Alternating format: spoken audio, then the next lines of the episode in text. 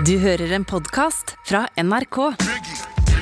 Drar du rundt i Brooklyn, New York, finner du gigantiske veggmalerier ingen maler over.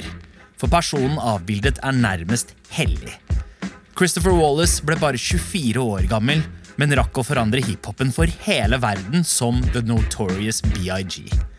25 år etter hans død samles fortsatt folk under veggmaleriene og hyller han med blomster og konjakk. Han har fått gater oppkalt etter seg, og både merch og musikken hans fortsetter å være relevant i strømmingens alder. Hva var det som formet denne sagnomsuste skikkelsen? Og hvordan oppnådde han sin legendestatus som The Notorious BIG?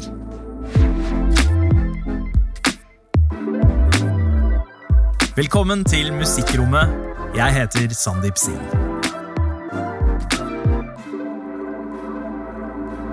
If I was dead, I wouldn't have to worry about nothing. I could just, just lay up.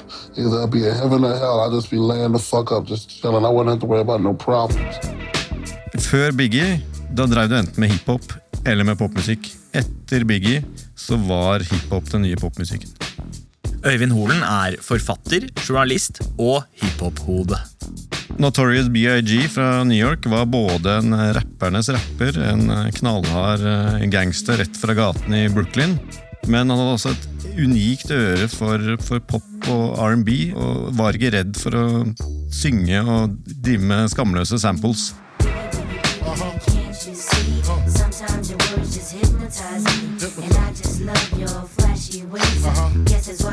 Can't you can fill you with real millionaire shit. That's cargo, my cargo. 160, swiftly.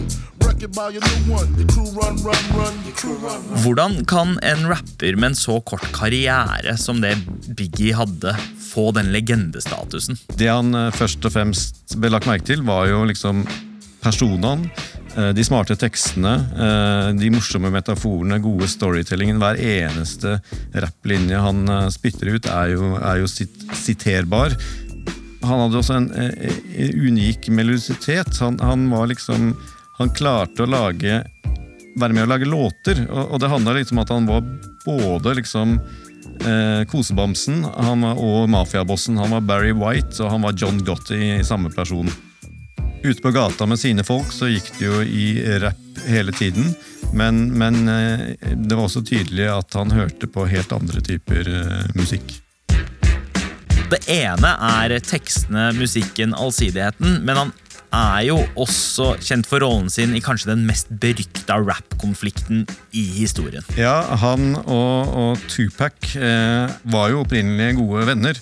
Men, men de blir liksom symbolet for den økende rivaliseringen mellom østkysten og vestkysten. Den nye populariteten til gangsterrap. Og, og nesten uunngåelig så ender de opp med å bli malt opp som, som fiender, og det ender jo med ganske tragisk utfall. Ja, Tupacs eh, skjebne kan du høre om i en tidligere episode av eh, Musikkrommet, men for å forstå Biggies skjebne, hvor han kom fra og hva som drev ham, så må vi helt tilbake til 1950-tallet på bygda på Jamaica. Der møter vi Walletta Wallace, eh, Biggies mor. Eh, Og hun har nok formet eh, sønnen sin mer enn man skulle tro. For det, er det noe historien om, om eh, The Notorious BIG handler om, så er det klassereise. Walletta Wallace vokste opp i en lutfattig bondefamilie på Jamaica. Noen av det første hun husker, er at de endelig fikk råd til å kjøpe sitt eget hus og sin egen jordlapp. sånn at de da hadde hennes foreldre nådde sitt mål. Men med en gang de nådde målet sitt, så begynte jo Walletta selv å drømme. I always daydream of being a filthy rich lady. Og hun eh, drømte og leste også på bilder om et, eh, et land ikke så langt unna, i USA, og så fryktelig mange bilder fra New York. Allerede som 16-åring flyttet Voletta eh, til verdens største storby, og bare tre år senere så fikk hun sønnen sin, Christopher. Faren til Biggie eh, var 20 år eldre enn eh, moren. Da hun ble gravid, eh, viste seg at eh, var gift fra før av. Så, så derfor var det aldri noen far til stede i, i Biggies liv. Og, og denne drømmen om USA som Walletta hadde sett i blader og magasiner, den var ikke like rosenrød da hun kom fram. Hun fikk ikke disse fine husene og slikt som hun, hun drømte om. Hun, så drømmen om å komme seg videre, den, den eh, levde fortsatt og, og forplantet seg videre til, til sønnen. Det er i hiphopens fødeby Biggie og moren slår rot. Unge Christopher vokser jo opp i eh, relativt eh, trange kår i, i Brooklyn, men han er, han er flink på skolen og lærer seg tidlig å, å knyte slips eh, til skoleuniformen, noe som kommer godt med når han skal pynte opp imaget på, på 90-tallet. Men det er ikke skolegangen som blir eh, viktigst for ham. Han vokser jo opp midt i oppblomstringen av hiphop i New York på 80-tallet, samtidig som han gjennom morens Jamaica og musikernaboen blir eksponert for både reggae, countryballader og jazz. Så der, der blir liksom den musikalske eh, Biggie Smalls formet. Men det han først og fremst gjorde, var jo å gjøre akkurat som mora gjorde på Jamaica. Drømme seg vekk i magasiner og bilder og blader. Eh, han så ikke på bilder fra New York, han så på bilder av de mest populære rapperne på 80-tallet og drømte han skulle være en av dem. Every rapper made me want to do it. Any nigga that got played on the radio, I didn't even know how much them niggas was making. I didn't know. All I knew was that Dougie had a nice link and a nice little piece. Slick Rick was mad heavy. You know what I'm saying? Have had a Montero. I just knew what the magazines and the videos showed me. That's all it was, though.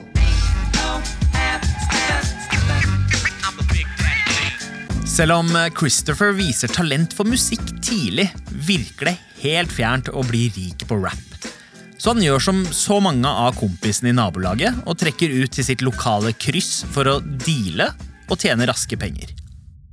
Christopher Wallace er blitt 18 år, står på gatehjørnet sitt i Bedford Stuyvesant i, i Brooklyn og, og selger crack. Eh, når det ikke er kunder, når det ikke er politi å skjule seg for, så jobber han med tekster og teknikk. Og han skriver det ikke ned, han har det i huet. Han øh, kanskje drar noen linjer også til kompisene som henger rundt der. Så, så sakte, men sikkert så vokser liksom rappstilen hans fram også på gatehjørnet.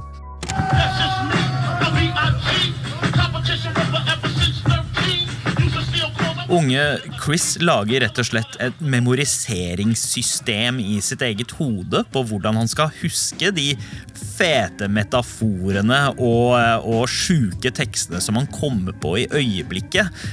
Fordi dette var en tid før man hadde en telefon i lomma og kunne notere ned teksten eller spille den inn. Og så ser det jo litt teit ut når du står der med notatblokka og en penn på gatehjørnet mens du prøver å bygge deg opp som en doplanger. I was a terror since the public school era. Bathroom passes, cutting classes, squeezing asses. Smoking blunts was a daily routine since 13. A chubby nigga on the scene. I used to have the tray deuce and the. Året etter så, så spiller han sin første demo. Han uh, lager en duo med Mr. C, som er DJ-en til Big Daddy Kane, og får tatt noen profesjonelle bilder av seg selv og makkeren sin. Dette fører jo til at de kommer på trykk i den da så enormt viktige Unsigned Hype. eh, Spalta i eh, rappbibelen The Source. Dette var et sted hvor eh, lovende rappere uten platekontrakt fikk litt oppmerksomhet. Gjennom denne gigantiske muligheten vekker Biggie oppmerksomheten til en ung og sulten plateselskapsmann og musikkprodusent. When I heard it, I was like, what the fuck? I was like, I, I, I was like, thank you, God. It's one of the greatest MCs I've ever heard. Sean Puffy Combs var en ivrig krabat som ville gjøre alt øh, mulig på en gang i, i musikkbransjen. Men så fikk, var han såpass ivrig i plateselskapet at han fikk fyken. Puffy tok med seg Biggie og startet nytt plateselskap, Bad Boy Records. This during the time of LL Cool J. Everybody's like having to be sexy, light skin, extra pretty, lips moisturized. I think Big's lips was a little cracked. He looked like he was just out in the street hustling. Og der ble Biggie selveste badboyen som skulle da spille inn album. Men på dette tidspunktet hadde Biggie en nyfødt datter, og moren Voletta har fått brystkreft. Og det ble viktigere enn noensinne å tjene penger, og det raskt.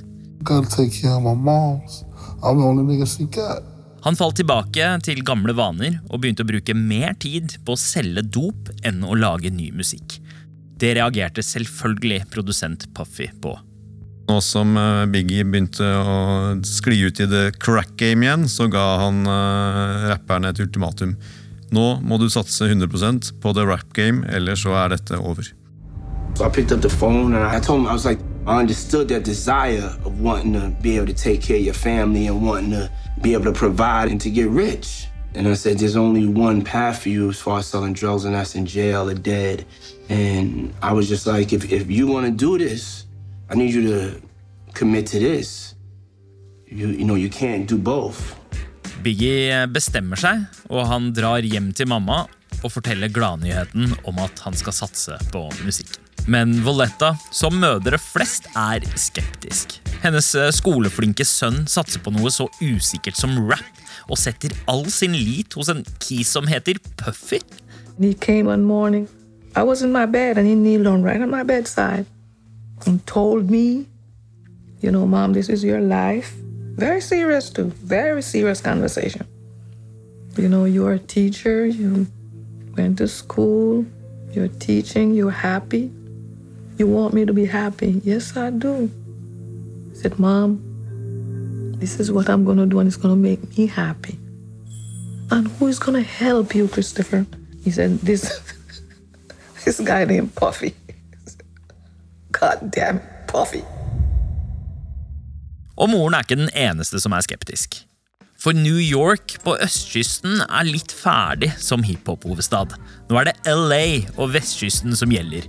Og den rapperen som er mest up and coming der, heter Tupac.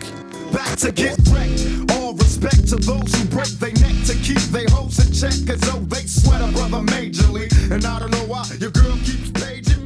Og han har troen på Biggie. Han elsker musikken hans og vil samarbeide. Man, cause you know how niggas be. They wanna see if Pac is real or is he like that nigga in the movie?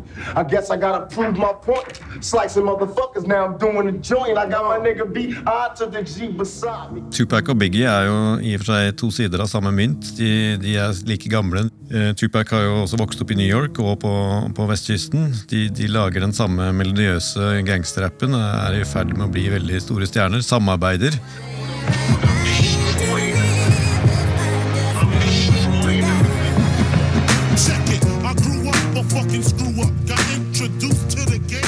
Men så surner hele forholdet veldig kjapt, nærmest over natta. Fordi når Tupac er i New York, blir han skutt og skadet i lobbyen til et studio han besøker. Like etterpå finner han ut at Biggie var i samme bygning da han ble skutt. Og da begynner mistenksomheten å boble hos den stadig mer paranoide Tupac. Var det de som lurte han dit? Var det de som sto bak skuddet? Har de planlagt hele? Er de ute etter han? Men dette er vel bare spekulasjoner fra Tupacs side. Men hvordan reagerer Biggie på det? Biggie blir vel først og fremst eh, overrasket over den nye fiendtligheten fra sin gamle kompis. eh, Og, og, og skjønner vel aldri helt hva som foregår, og hvorfor Tupac blir så rasende på ham. I had nothing to do with that. It just happened to be a coincidence that he was in the studio.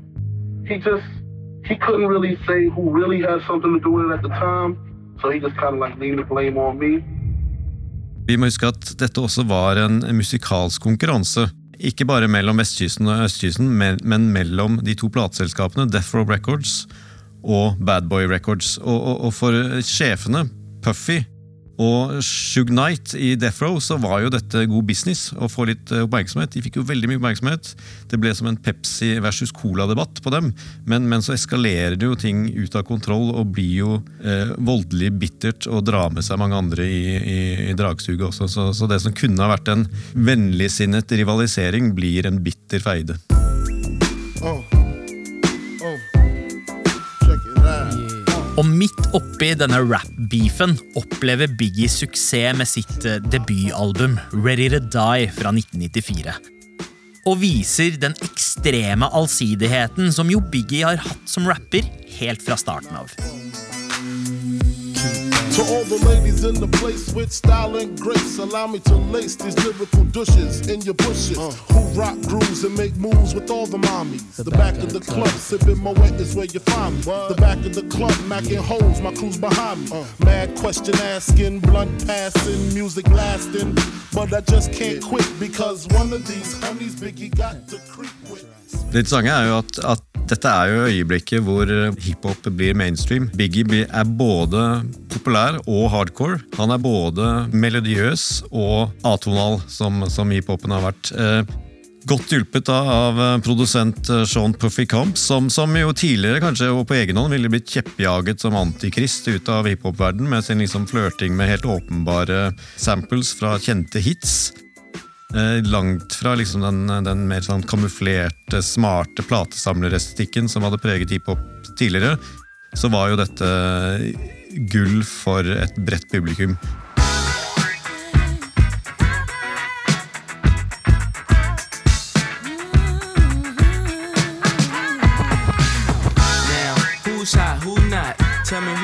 Who sell out in the stores. You tell me who flop, who cop the blue drop, who jewels got box, who's mostly Dolce down to the tube top. The same old pimp, you know ain't nothing changed but my limp. Can't stop till I see my name on the blimp. Guarantee me million sales, pull a level up. You don't believe in Harlem World, nigga. I konkurranse med gangsterrappen på vestkysten, som var preget av den ekte gjengkriminaliteten som Los Angeles sleit med på den tiden, så lagde Biggie nå sin egen form for gangsterrap med mafiareferanser og skildringer av grov vold og kriminalitet, men samtidig også ekstremt fengende og nærmest koselige låter.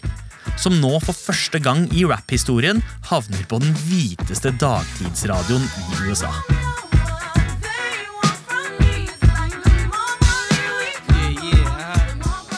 Mafiarapp var rett og slett en, en ny eh, sjanger, en undersjanger av gangsterrappen.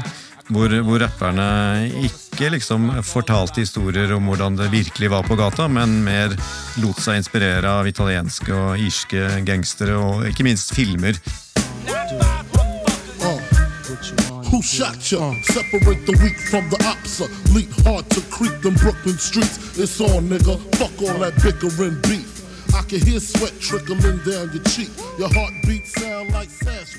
Ja, for der vestkystgangsterrappen var capser og flanellskjorter og store bukser, så var mafioso-rappen til Biggie og andre folk fra New York gjerne pinstripe suits, sigarer, bowlerhatter og Tommy Guns. Og, og fikk det nærmest til å virke mer som en fantasi enn sosial realisme. Eh, Biggie kalte seg jo The, The Black Frank White, som jo da var eh, basert på en gangsterfilm med Christopher Walken i hovedrollen. Så, så han drømte jo da om å være hvit mafioso, faktisk. Og som leder av en vaskeekte mafiaorganisasjon, så må man jo bygge en hær av soldater. Og Biggie og Puffy samler en hel gjeng med unge, fremadstormende rappere fra nabolaget til Biggie. Han blir utnevnt som deres gudfar, og gjengen får navnet Junior Mafia. Dette la jo mønster for seinere rappere, som alltid drar med seg sine kompiser på, på å lage nye grupper, men kanskje viktigste biten av Junior Mafia var jo da den kvinnelige rapperen Lil Kim, som, som uh, satte et uh, mønster for den liksom uh, seksuelt aggressive kvinnelige gangsterrapperen. Y'all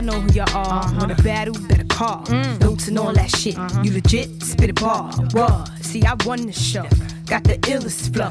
Bungalows are bankrolls in my underclothes. It's the original, and everybody knows. Samtidig som Junior Mafia bygger seg opp eh, på østkysten, så skjer det noe annet på vestkysten. Det var ingen tvil om at Tupac var eh, krigshisseren i denne feiden her. Han eh, var jo kobla på Death Row og skapte både sin e- ene og andre junior mafia med gruppene Thug Life eh, først og Outlaws etterpå. So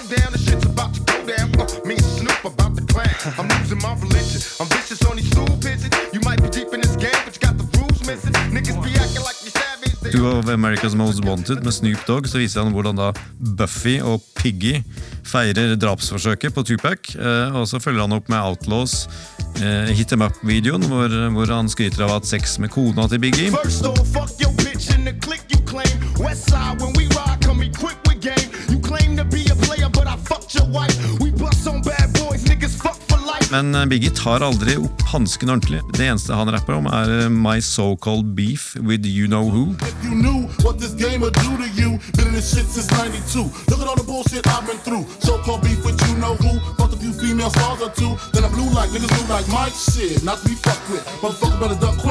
Cause me and my dogs love buck shit. Fuck the luck shit, strictly aim. No aspirations to cut the game. Spit your game, talk your shit, grab your pull your clip, squeeze your clip, hit the right one. Pass that weed, I got the like Så krigserklæringen blir ikke mottatt. Hansken blir ikke kastet tilbake. Og denne heftige dissen Tupac eh, kommer eh, med mot Biggie, kommer i selskap med hans maktdemonstrasjon av en plate, All Eyes On Me, som er hiphopens første dobbeltplate. Så da er det vel intet mer naturlig enn at Notorious BIG også må lage dobbeltalbum, og Life After Death skal da bli historiens andre dobbelt-CD fra en rapper.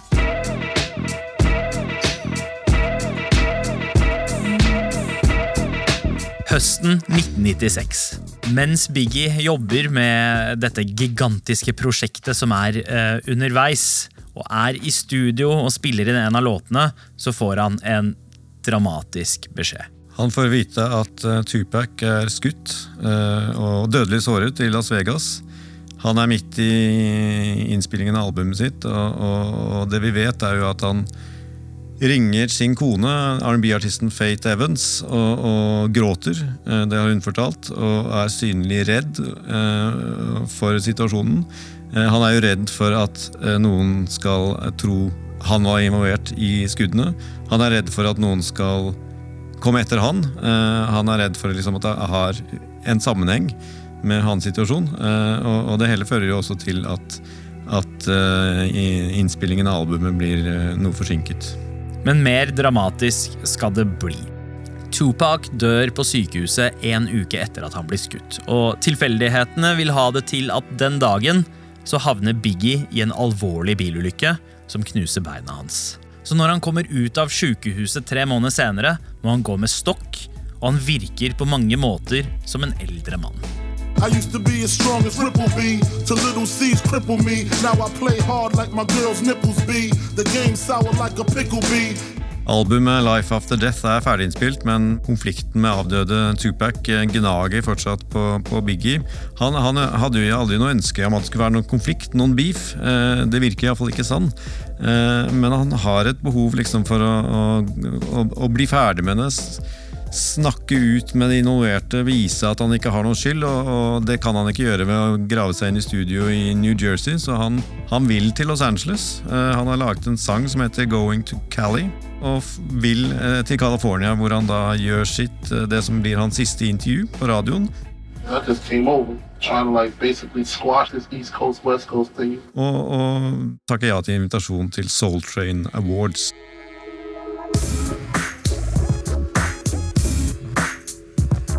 Det er mars 1997, og i forbindelse med denne prisen er Puff Daddy og Biggie på en etterfest arrangert av Vibe Magazine.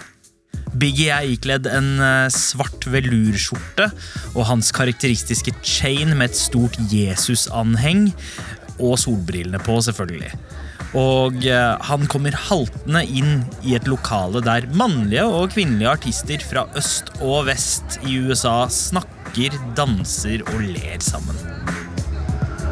Det er bare to uker til Life After Death skal utgis. Albumet som skal krone The Notorious BIG, ikke bare til The King of New York, men kongen av hele hiphop-bransjen.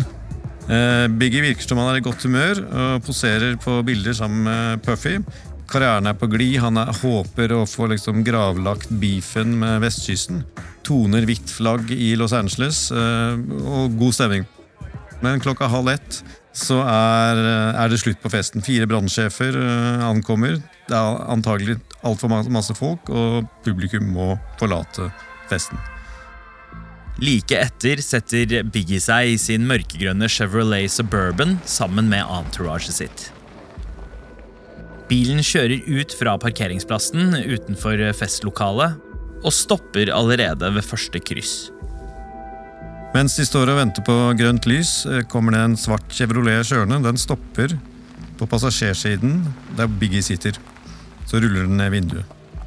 og flere skudd blir avfyrt. Fire av skuddene treffer Biggie. Yeah, we need uh, ambulance on Fairfax and Wilshire. Please, Los Angeles. We have a man shot. We have a man shot. Wilshire Boulevard. Okay, hold on. I'll get right on the corner, Wilshire and Fairfax. Heldigvis er eh, sjåføren i stand til å eh, kjøre bilen og legger i vei mot sykehuset Cedar Sinai, som bare er to minutter unna. Biggie blir kjapt rullet inn på operasjonssalen, og det blir satt i gang livreddende tiltak. Men livet hans eh, er ikke til å redde. Den 9. mars klokken kvart over ett på natta blir Christopher Wallace erklært. Rapper Biggie Smalls was shot to death in Los Angeles early this morning while leaving a party. His death comes almost exactly six months to the day that another rapper, Tupac Shakur, was fatally shot in Las Vegas. I løpet av et lite halvår har de to største rapperne i verden blitt skutt og drept. Early this morning at Kennedy Airport, the body of Biggie Smalls was returned to New York from Los Angeles. 18. mars 1997 blir Christopher Wallace bisatt på Manhattan.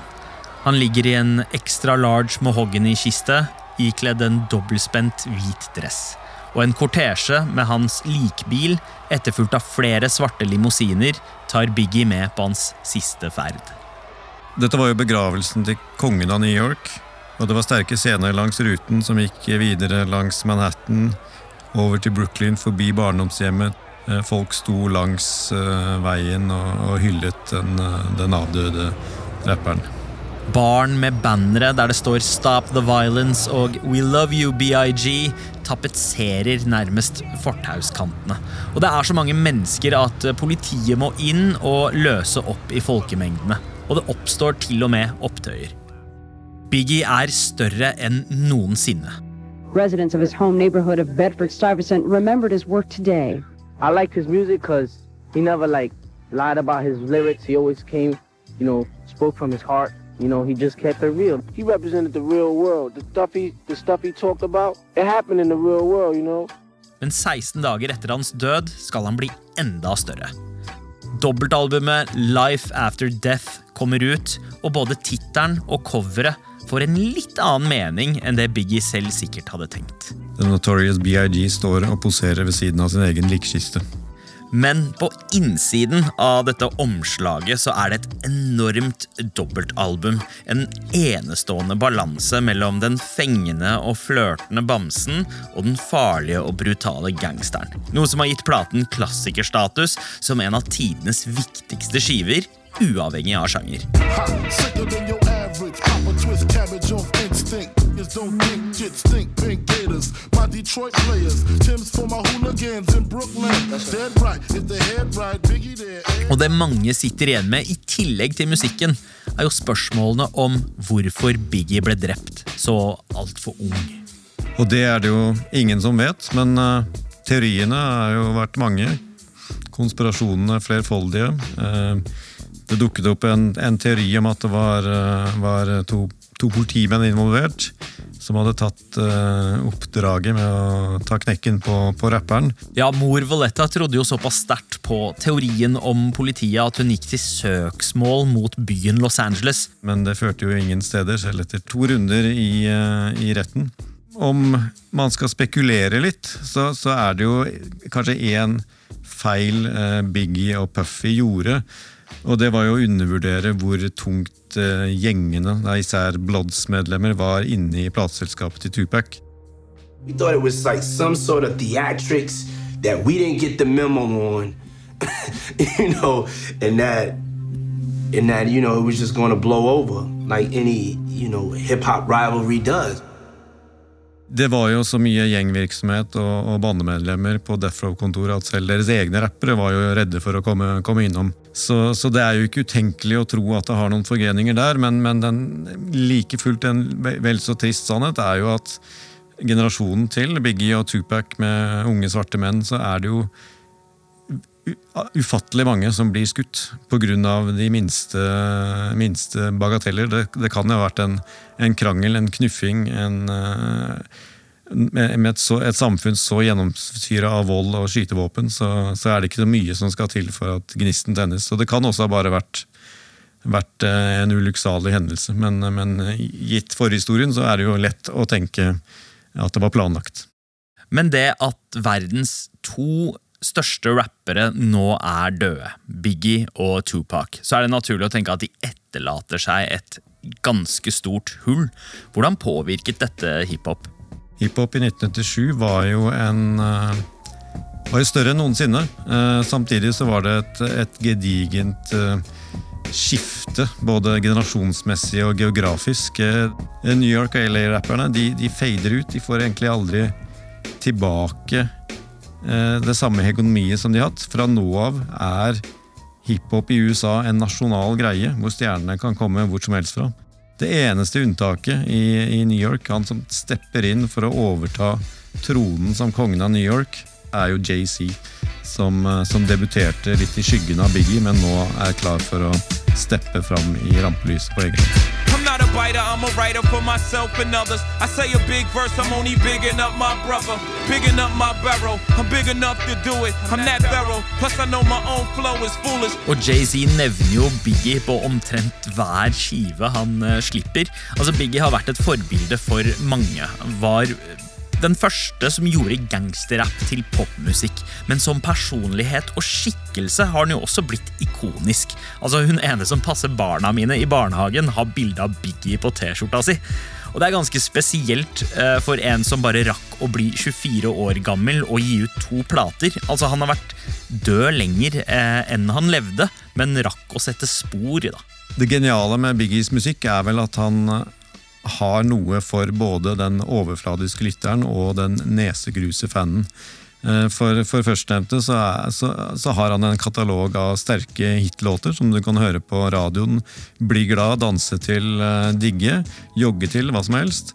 Eh, for de som virkelig vil begrave seg i verden hans, så har han utrolig sterke historier og, og tekster som du liksom kan tolke hver bisetning og virkelig liksom dykke ned i det, det lille, men innholdsrike kunstnerskapet hans. close and personal with Robin Leach. And I'm far from cheap. I smoke stuff with my peeps all day. Spread love, it's the Brooklyn way. The Moet and Alizé keep me pissy. Girls used to diss me, now they write letters cause they miss me. I never thought it could happen, this rapping stuff. I was too used to packing gats and stuff now. Ja, Det er jo en grunn til at debutalbumet hans Ready to Die ikke bare blir regna som et av rapphistoriens viktigste debutalbum, men musikkhistoriens. Så han ble jo på kort tid et forbilde for en hel generasjon rappere som kom etter ham. Som fikk åpenbaringen om at det var mulig å tilfredsstille gatene og hitlistene på én og samme tid. Jeg tror den viktigste arven etter eh, Biggie Smalls er eh, tomrommet han etterlot seg, rett og slett. Eh, det at han ikke at han døde i 1997 og, og, og, ikke var med oss lenger, gjorde det mulig for så utrolig mange å prøve å fylle det tomrommet. Så, så uten, hvis Biggie hadde fortsatt, så hadde han kanskje skygget for sola for, for en rekke rappere fra hele USA. Men, men fordi han ble revet bort, så, så strømmet det så utrolig mye mengder stjerner til. Samtidig så er det noe veldig vemodig ved at denne fyren som ble et offer for rappkrigen mellom øst og vest, viste seg til slutt å ha ganske så brobyggende ambisjoner.